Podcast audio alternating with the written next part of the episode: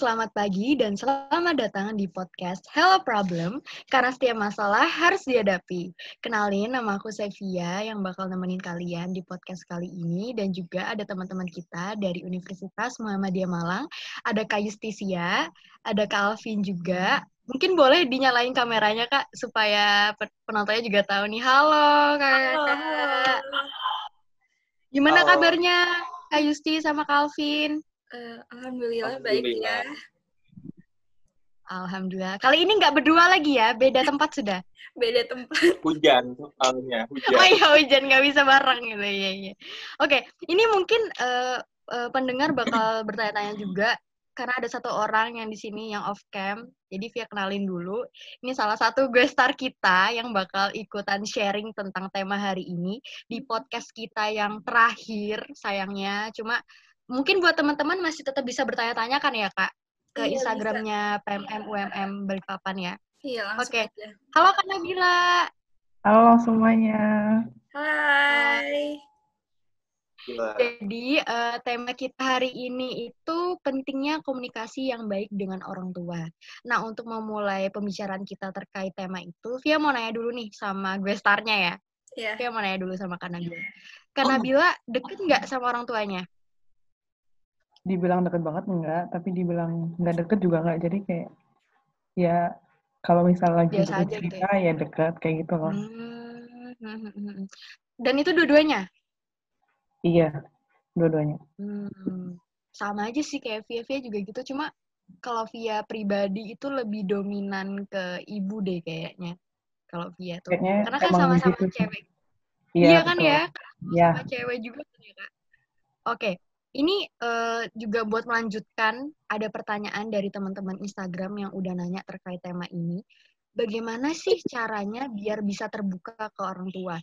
Misalnya kayak curhat atau cerita gitu. Kadang kan ada anak yang gengsian atau malu, tapi ceritanya ke orang tua sampai akhirnya tuh mendam sendiri. Nah, sebelum dijawab sama Kak Yusti sama Calvin, aku mau nanya dulu sama Kak Nabila. Kak Nabila pernah nggak sih kayak misalnya ada beban nih, ada yang pengen diceritain, tapi tuh kayak misalnya mungkin permasalahan anak muda kali ya. Jadi tuh kayak rasa gengsi atau ah nggak usah diceritain kali ya ke orang tua. Kakak pernah gitu nggak? Atau semuanya selalu terbuka sama orang tua? Uh, kalau aku ngelihatnya tergantung masalahnya sih. Jadi kalau misalnya menurutku hmm. aku masih bisa ngehandle masalahnya, ya udah aku nggak cerita nggak apa-apa. Tapi ketika hmm. masalah-masalah yang udah kayak ribet, terus menurutku orang tua aku lebih punya pengalaman gitu ya. Jadi aku sharing aja sama mereka siapa tahu ketika aku sharing tuh aku dapat oh kayaknya aku harus kayak gini nih. Jadi uh, mungkin emang beberapa ada yang gengsi. Maksudnya gini ketika kita mau ngobrol sama orang tua pasti kayak ada rasa gengsi canggung. Bilang ih masa kayak gitu aja cerita? Maksudnya kayak kita takut orang tua kita tuh berpikirnya beda-beda.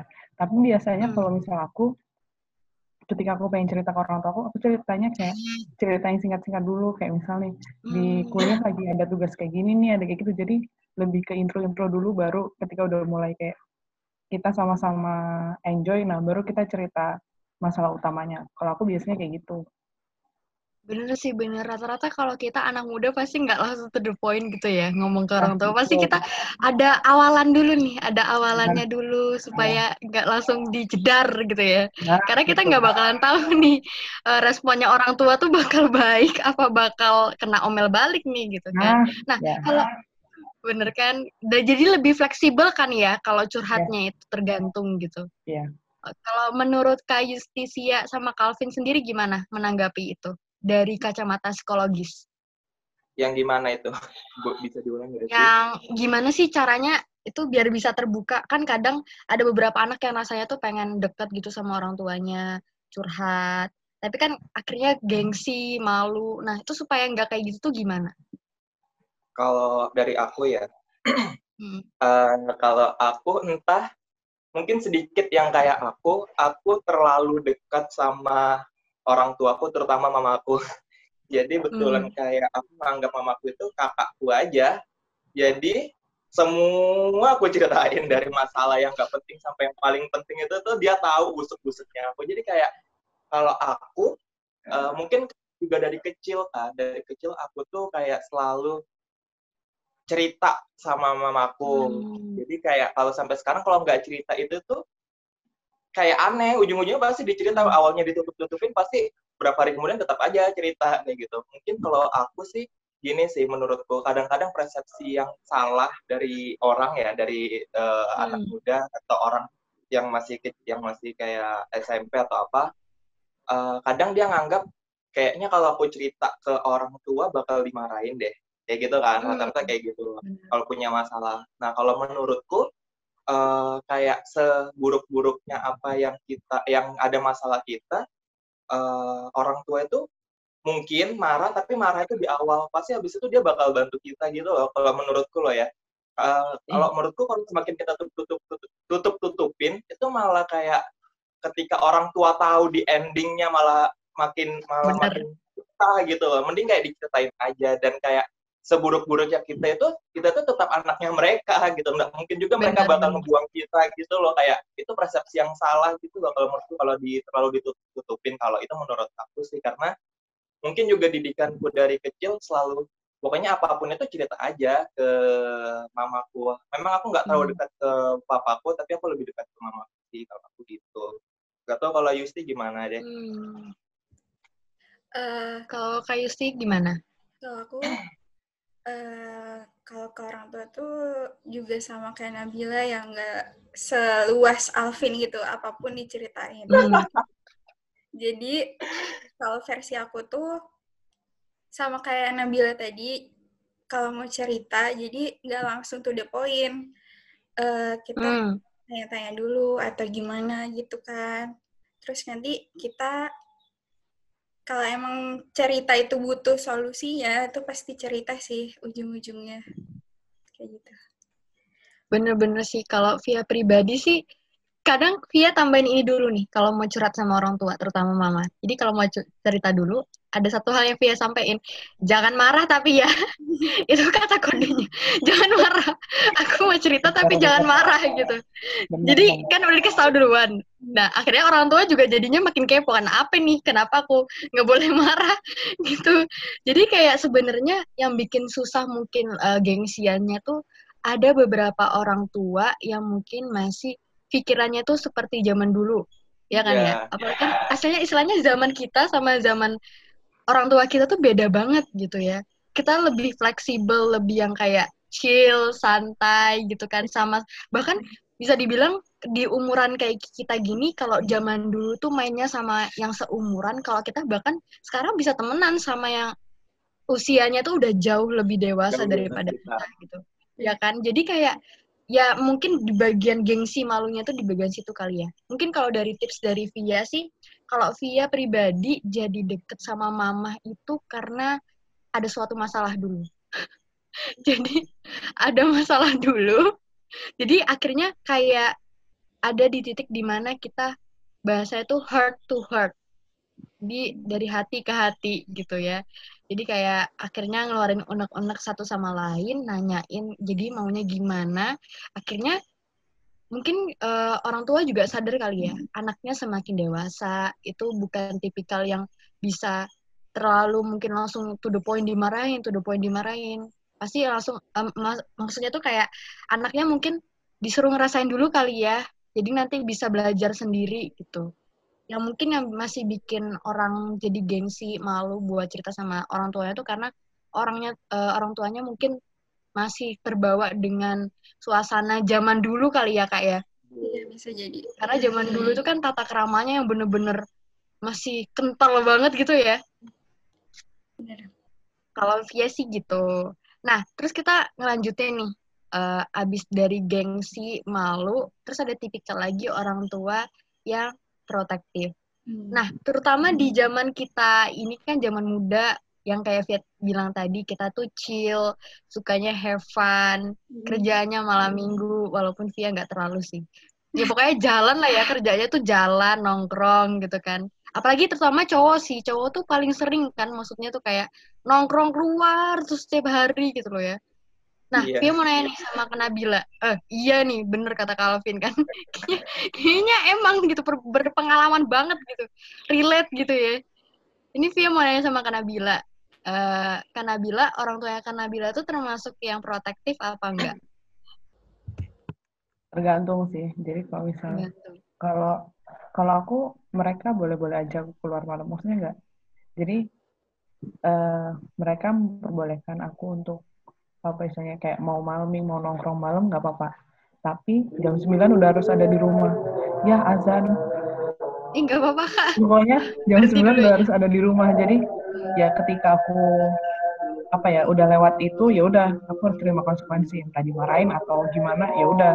Kayak sebenarnya protektif protektif ah protektif enggak juga sih soalnya aku anak cewek sendiri. Maksudnya aku anak jadi kayak kalau misal keluar malam tuh pasti ditanyain ke mana sama siapa. Jadi lebih ke mereka kalau menurutku mereka protektif karena mereka nggak mau anaknya kenapa-kenapa. Jadi kayak misal kalau misal kita jujur ke mereka misal kita mau nongkrong nih di sini dari jam segini sampai jam segini mereka ngebolehin kok asalkan jelas gitu loh bukan yang untuk kayak kita bilangnya mau nugas tapi ternyata kita dugem atau kita nongkrong. Nah kalau misalnya benar, kayak gitu kan pasti orang tua juga was was kalau menurutku gitu sih. Hmm, benar Nah, bener banget sih katakan Nabila. Kalau via pribadi itu juga kayak gitu persis. Jadi via dibolehin ke mana-mana asal tiap nyampe di tempat itu tuh uh, nge-WA kayak mah udah sampai gitu, pah udah sampai. Jadi kayak orang tua tuh tahu nih nih anak beneran nyampe gitu kan.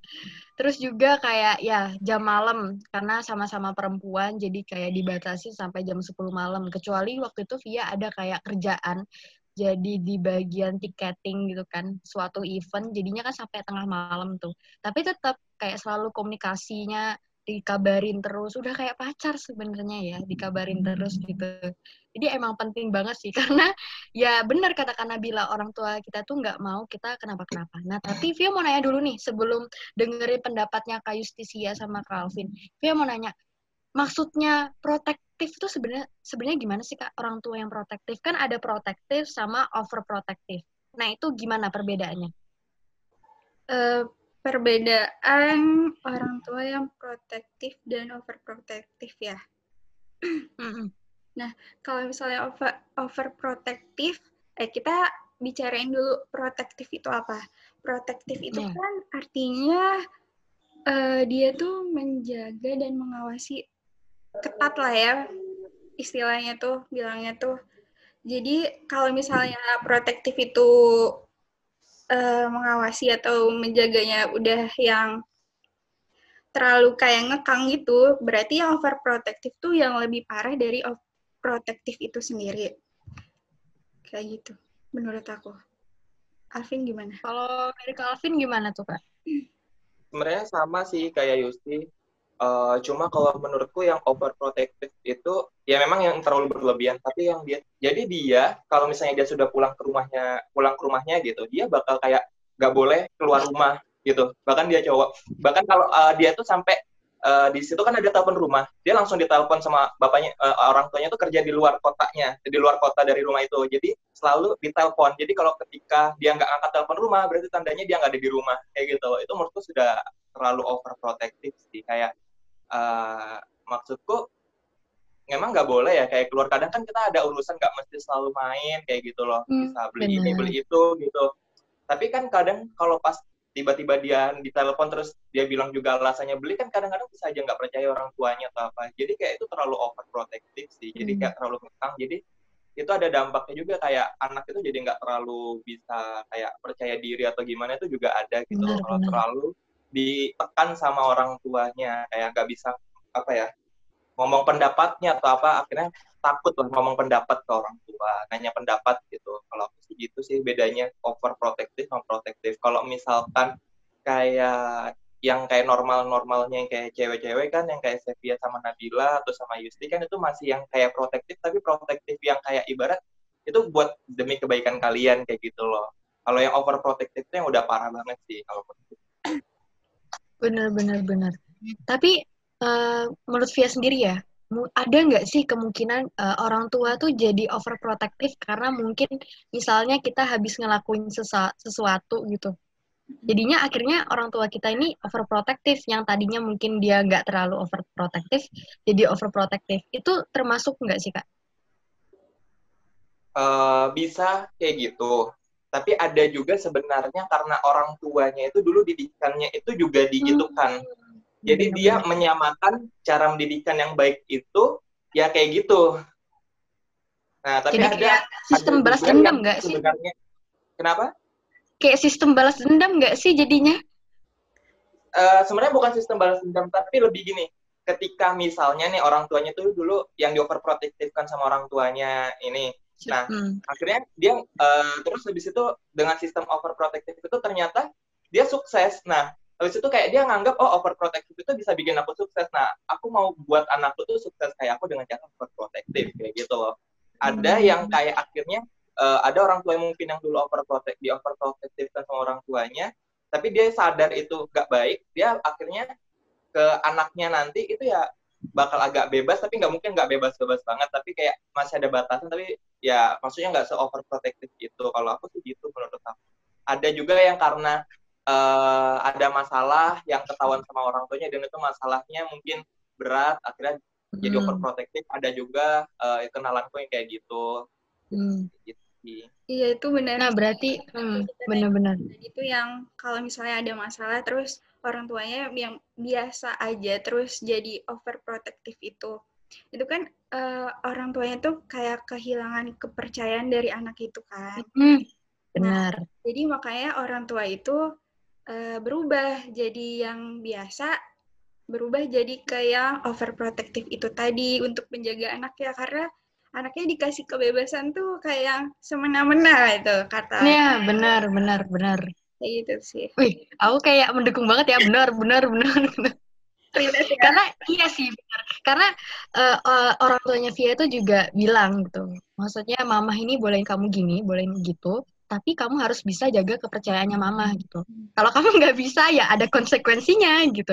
Jadi ya emang bener sih kalau misalnya kita pengen uh, mungkin kita lebih introspeksi diri dulu lagi kali ya kak yeah. sebelum kita bener-bener uh, apakah orang tua kita ini uh, overprotective karena emang karakteristiknya seperti itu atau memang dari sebelumnya tuh kita emang ada salah gitu yeah. atau kita itu nggak menjaga kepercayaannya dengan baik akhirnya orang tua kita jadi nggak percaya lagi sama kita gitu yeah. emang paling penting sih kepercayaan itu guys yeah. terus uh, ini kita ngomong soal tadi ngelanjutin sih dari mm, pembicaraannya kak Alvin uh, terus kan tadi ada dibilang ada beberapa orang tua yang misalnya sebelumnya dia tuh dididik uh, dengan disiplin. Akhirnya dia nerusin ke anaknya itu disiplin juga gitu. Padahal menurut Via sendiri karakteristik anak-anak itu kan beda. Setiap anak itu beda. Plus ditambah lagi zaman udah berubah nih gitu kan. Nah terus mungkin di zaman sekarang nih ya yang di zaman sekarang uh, mungkin kakak-kakak juga denger kali ya mungkin atau jangan-jangan di beberapa teman-temannya kakak udah ada yang nikah nih nikah muda gitu-gitu kan banyak nah, banget oh, banyak wah kena bila nyaut sih banyak ya kayaknya ya. Di seumurnya Via aja udah banyak loh gitu. Udah Jadi anak dua malah. Wih, buset dua ya. Wah, ngeri juga ternyata ya. Jadi mungkin kita uh, Via mau nanya nih ke mungkin ke Kak Nabila, ke Kak Justisi ya, ke Kak Alvin juga tips buat calon orang tua biar jadi orang tua yang baik buat anaknya tuh gimana terutama di kondisi zaman yang sekarang udah bener-bener uh, berbeda gitu buat Kanabila dulu deh. Kalau menurut Kanabila gimana tuh? Apa ya? Kalau menurutku uh, apa ya istilahnya ketika orang tua ingin uh, apa istilahnya ya? Kayak jadi orang tua itu nggak bisa menganggap dia orang tua dia anak. Maksudnya anaknya tuh anak. Jadi kayak dia itu harus merubah mindset itu. Jadi kayak misalnya ya orang tua dan anak emang kayak misalnya kita punya kayak ya kita emang harus tata krama sama orang tua maksudnya Benar. orang tua lebih istilahnya orang yang kita hormati tapi orang tua juga nggak boleh punya mindset ih kamu kan anakku kamu harus ngikutin apa kataku karena menurutku mindset itu tuh udah harus dirubah karena zaman sekarang tuh udah beda ketika orang tua punya mindset kayak gitu otomatis anaknya akan merasa ih kok orang tua kayak gitu ya padahal kalau menurutku ya anak-anak eh maksudnya anak-anak yang seumuran kita itu tuh pasti mau pendapatnya didengerin jadi kayak misalnya uh, kita melakukan kesalahan, orang tua kita marahin kita, tapi anaknya tuh juga mau ketika pendapatnya didengerin. Jadi lebih ke sharing gitu loh, bukan hmm. pure orang tuanya marahin anaknya. Ih kamu tuh kayak gitu, kamu tuh gak dengerin mama, lalala kayak gitu. Karena menurutku ketika anaknya dimarahin tanpa diberi kesempatan untuk mengungkapkan pendapatnya dia, otomatis dia akan apa istilahnya mendem pendapatnya sendiri. Ketika dia mendem ya terus dia akan berpikir ih kemarin aja aku mau ngomong ah, kemarin aja aku mau ngomongin pendapatku aja nggak dibolehin. Jadi ya udah besok besok aku nggak mau lagi. Padahal kalau menurutku uh, hubungan parenting itu harus dari dua belah pihak. Jadi dari orang tuanya dan dari anaknya juga. Jadi kayak mereka tuh sama-sama maksudnya orang tuanya emang punya orang tua pasti mau yang terbaik buat anaknya. Tapi kadang tuh orang tua berpikir ah menurutku ini yang terlalu baik buat mereka. Tapi dia nggak bertanya kepada anaknya apakah ini yang terbaik atau enggak jadi lebih ke menurutku lebih ke apa ya lebih ke, ke Egois uh, lebih ke ada ya mungkin bisa dibilang kayak gitu. Jadi kalau menurutku buat orang tua orang tua orang tua orang tua muda kayak yang baru nikah gitu menurutku hmm. komunikasi sama anak itu paling penting banget. Kayak yang tadi Alvin bilang kalau misal dia dari kecil udah dididik untuk bisa berkomunikasi dengan orang tuanya. Jadi ketika dia ada masalah ya udah dia sharing aja gitu. Jadi kan hmm. menurutku komunikasi itu salah satu yang paling penting dalam hubungan orang tua dan anak dan anak. Karena kalau misal anaknya udah takut sama orang tuanya ya udah. Dia mau bohong dia mau apa juga. Ya udahlah nggak apa-apa daripada aku dimarahin. Kalau menurutku kayak gitu kalau dari kak Justisia sendiri? Gimana kak? Uh, benar sih udah yang dibilangin Nabila. Kalau misalnya kita bakal jadi orang tua nanti calon-calon orang tua nih kita tuh harus bisa menjaga komunikasi yang baik sama anak kita nanti. Pokoknya apa pun itu dibicarain sama-sama. Jangan jangan tertutup istilahnya tuh jadi kita sama-sama tahu apa yang mau diinginkan terus nanti kan kebanyakan orang tua di Indonesia tuh kayak yang me, apa ya istilahnya tuh nggak mendengarkan pendapat dari anak ya, benar. kan biasanya nah itu biasanya tuh uh, gara-gara si orang tuanya mau itu tuh yang terbaik buat anaknya itu sendiri kan hmm. jadinya uh, buat nanti calon orang tua ke depannya itu ya pokoknya komunikasi yang dijaga tuh terus open minded. Hmm, benar. Kayak gitu. Benar benar benar. Karena zaman sekarang tuh emang dibutuhin banget ya. Nggak cuma orang tua tapi anak mudanya juga harus open minded. Tapi yang paling penting itu open minded tapi juga ada tata keramanya ya enggak Kak? Iya, benar. benar. Kalau Calvin nih yang sangat berpengalaman dari kecil gimana nih? Mungkin pesan-pesannya nih gimana nih buat orang tua orang tua muda? Uh, ini sebenarnya tadi udah dijelasin panjang lebar juga sama Yusti sama Nabila ya. Itu sudah hmm. kayak hmm. udah ngambil hampir sebagian yang aku mau ngomongin tapi ya udah aku ngomongin sisanya yang aku mau uh, yang sisanya aja. Uh, jadi menurutku ini tips buat apa tips buat orang tua baru nanti atau yang baru-baru nikah sudah nikah tapi baru-baru aja uh, aku tahu di saat yang masih kayak kita masih remaja nih, masih umur 20 atau kayak mungkin belasan sudah nikah, aku hmm. tahu itu hmm. pasti emosi mereka kurang stabil. Iya. Gampang hmm. namanya marah, gampang namanya gitu uh, kayak disenggol sedikit marah kayak gitu loh.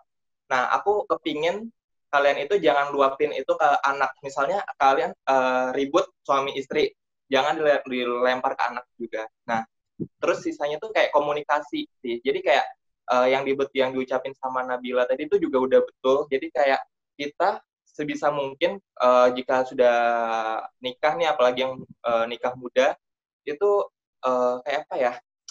Kita harus dengerin anak sih lebih uh, kayak uh, maunya anak itu apa kayak oh kamu kayak gini kah orangnya oh kamu kayak ya gimana ya lebih ngedengerin gitu loh dan itu ngebuat kayak kepercayaan diri anak itu bakal kayak tinggal akan meningkat gitu loh. Jadi kayak uh, uh, jadi kayak apa ya misalnya anak itu akhirnya punya percaya diri gitu loh. Benar gimana ya? Jadi uh, ketika anak itu mau ngomong nggak takut salah nggak takut gimana karena dari uh, dari kecil tuh sudah didengerin gitu loh. Kita maunya apa terus ya kayak gitu paham gak sih iya, atau paham, paham. bener-bener itu pak ini bener banget sih maksudnya kayak ada tadi disinggung soal parenting ke kedua orang tua misalnya ada masalah misalnya suami dan istri jangan dilimpahkan ke anak gitu karena Via pribadi juga pernah ikut kayak webinar juga soal parenting dan tapi lebih fokusnya tuh ngebahas ke orang tuanya dibanding ke anaknya. Kalau kita ke anak kan ya ini. Yeah. Kalau dari itu sih jadi kayak emang sering kayak yang bikin jadinya hubungan antara orang tua dan anak itu juga dari orang tuanya juga loh. Jadi misalnya gini, uh, misalnya didikannya ibu dan bapak ini beda. Misalnya ibu lebih ngemanjain, terus bapaknya itu lebih yang keras. Nah, akhirnya kan sebagai anak juga bingung dong ini ini gimana nih gitu. Sebenarnya gimana sih peraturannya ini gitu kan.